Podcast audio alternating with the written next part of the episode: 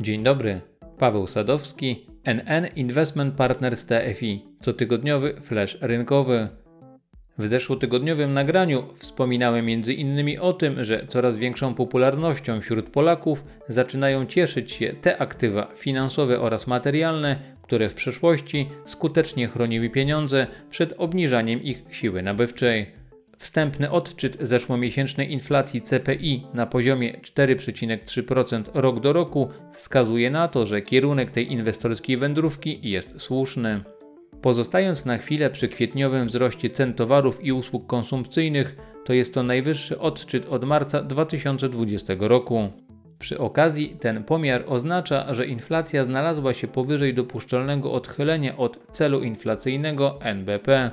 Trudno też mówić o przejściowym charakterze tego zjawiska, gdyż roczna dynamika CPI od niemal dwóch lat utrzymuje się zasadniczo powyżej celu Polskiego Banku Centralnego.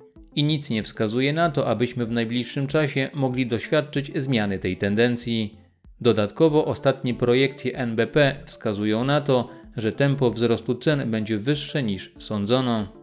W marcowym raporcie napisano m.in., że za podniesienie ścieżki inflacji CPI w 2021 roku względem ostatnich przewidywań odpowiada w największym stopniu rewizja prognozowanych cen energii przy mniejszej skali korekt dynamiki cen żywności i inflacji bazowej.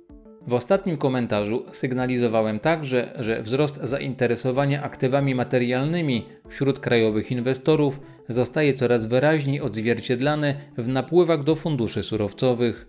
To, na co warto zwrócić również uwagę, to fakt, że coraz więcej aktywów zaczyna płynąć do tajemniczej grupy produktów ASZ.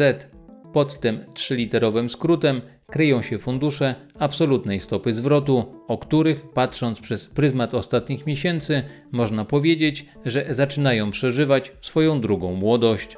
Te produkty radzą sobie w tym roku całkiem dobrze. I to zarówno pod względem osiąganych wyników, większość funduszy sklasyfikowanych w tej grupie realizuje założenia strategii, oraz pod kątem napływów, w pierwszym kwartale tego roku ich aktywa wzrosły z 6,1 do 6,9 miliarda złotych. Z założenia podejście inwestycyjne kryjące się pod formatem absolutnej stopy zwrotu ma dawać szansę na systematyczny wzrost zgromadzonego kapitału, niezależnie od warunków panujących na rynkach. Nie oznacza to jednak, że jednostki uczestnictwa tego typu produktów będą zawsze rosły z dnia na dzień. Celem tych rozwiązań jest osiąganie dodatniej stopy zwrotu w konkretnym okresie. W kwietniu tego roku grono tych produktów poszerzył subfundusz NN Total Return.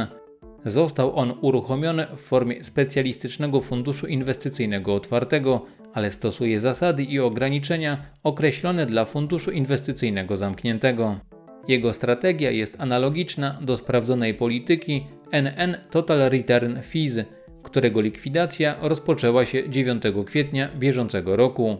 Są jednak pewne różnice. Jedną z nich jest to, że subfundusz będzie zbywał i odkupywał jednostki uczestnictwa w każdym dniu wyceny, a nie raz w miesiącu, jak to miało miejsce w przypadku certyfikatów wspomnianego FIZA.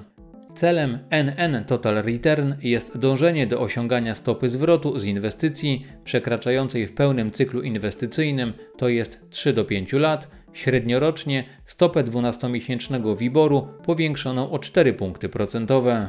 Polityka produktu umożliwia inwestycje w szerokie spektrum płynnych instrumentów finansowych, polskich i globalnych, a w szczególności akcje spółek i indeksy oraz obligacje skarbowe i korporacyjne.